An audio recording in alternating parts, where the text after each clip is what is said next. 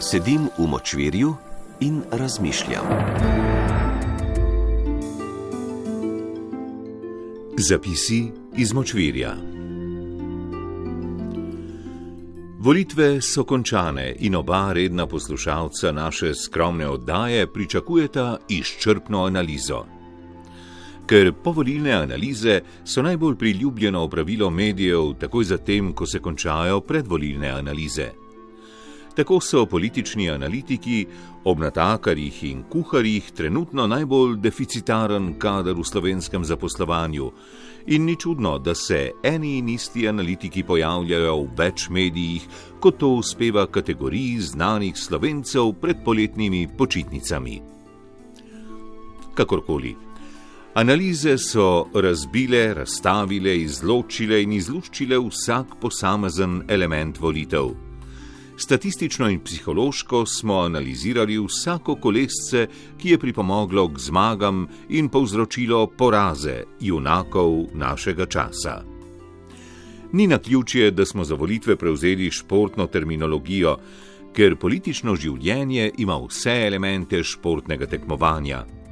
Tonin je bil denimo izrazito vzhičen, ker je Nova Slovenija pristala na stopničkah, tretji od petih.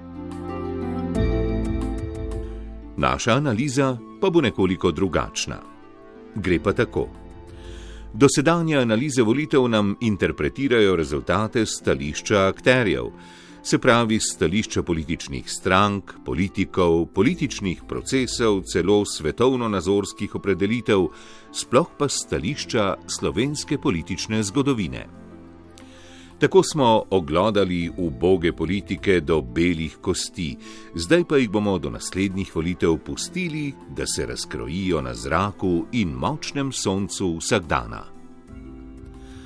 Ampak obstaja še analiza, ki se ne tiče ne levice, ne desnice, ne poražencev in ne zmagovalcev. To je analiza, ki se osredotoča na voljivce, se pravi na nas. Z drugimi besedami, kaj in česa smo se naučili o slovenskem, ne le volilnem telesu, temveč o slovenskem narodu nasploh, če analiziramo rezultate volitev 24. aprila 2022. Najbolj dragoceno je ugotovitev, da so rezultati v neposrednem nasprotju z nekaterimi stereotipi o slovencih, ki smo jih kot kačo na prsih gojili v zadnjih nekaj letih. Prva ugotovitev: Slovenci nismo prepirljivi. Kljub legendarnim sporom o dovoznih poteh in živih mejah, slovenski človek ne mara špetira, niti ne mara obrekovanja, sploh pa ne mara težkih besed in vseh sort nedostojnosti. Ne mara politike, ki je groba, vseobsegajoča in se zajeda v vse pore javnega življenja. Slovenski človek ima rad svoj mir, od politike pa si želi servisa, ne rokovskih koncertov. Kar si predvidevamo, želi in tudi dobi prebivalstvo mnogih dežel z močno demokratično tradicijo. Staviti na konflikt, ki bo menda aktiviral volilno telo, je bila velika strateška napaka poražencev, ki enostavno niso razumeli psihološkega profila večinskega dela naroda. Povedano neposredno, slovenski narod je dokazal, da je nad ravnjo razumevanja demokratičnih procesov v družbi, kot jih je sposobna razumeti, sploh pa omogočati slovenska politika. Slovenski ljudje smo večji demokrati od slovenskih politikov. Druga ugotovitev. Zmagovalci tokratnih volitev niso zmagali, enostavno so bili poraženci tokratnih volitev pa so izgubili. Tretja ugotovitev. Slovenski narod ni razdvojen. Krjavlovska polovica, ki velja za zlati standard slovenske politične aritmetike, ponovem deluje le z nizko volilno udeležbo, oziroma je delovala, dokler so še živele generacije, ki se od nas počasi poslavljajo se pravi, da razdvojenost naroda na dve enaki polovici danes deluje le še znotraj ene polovice.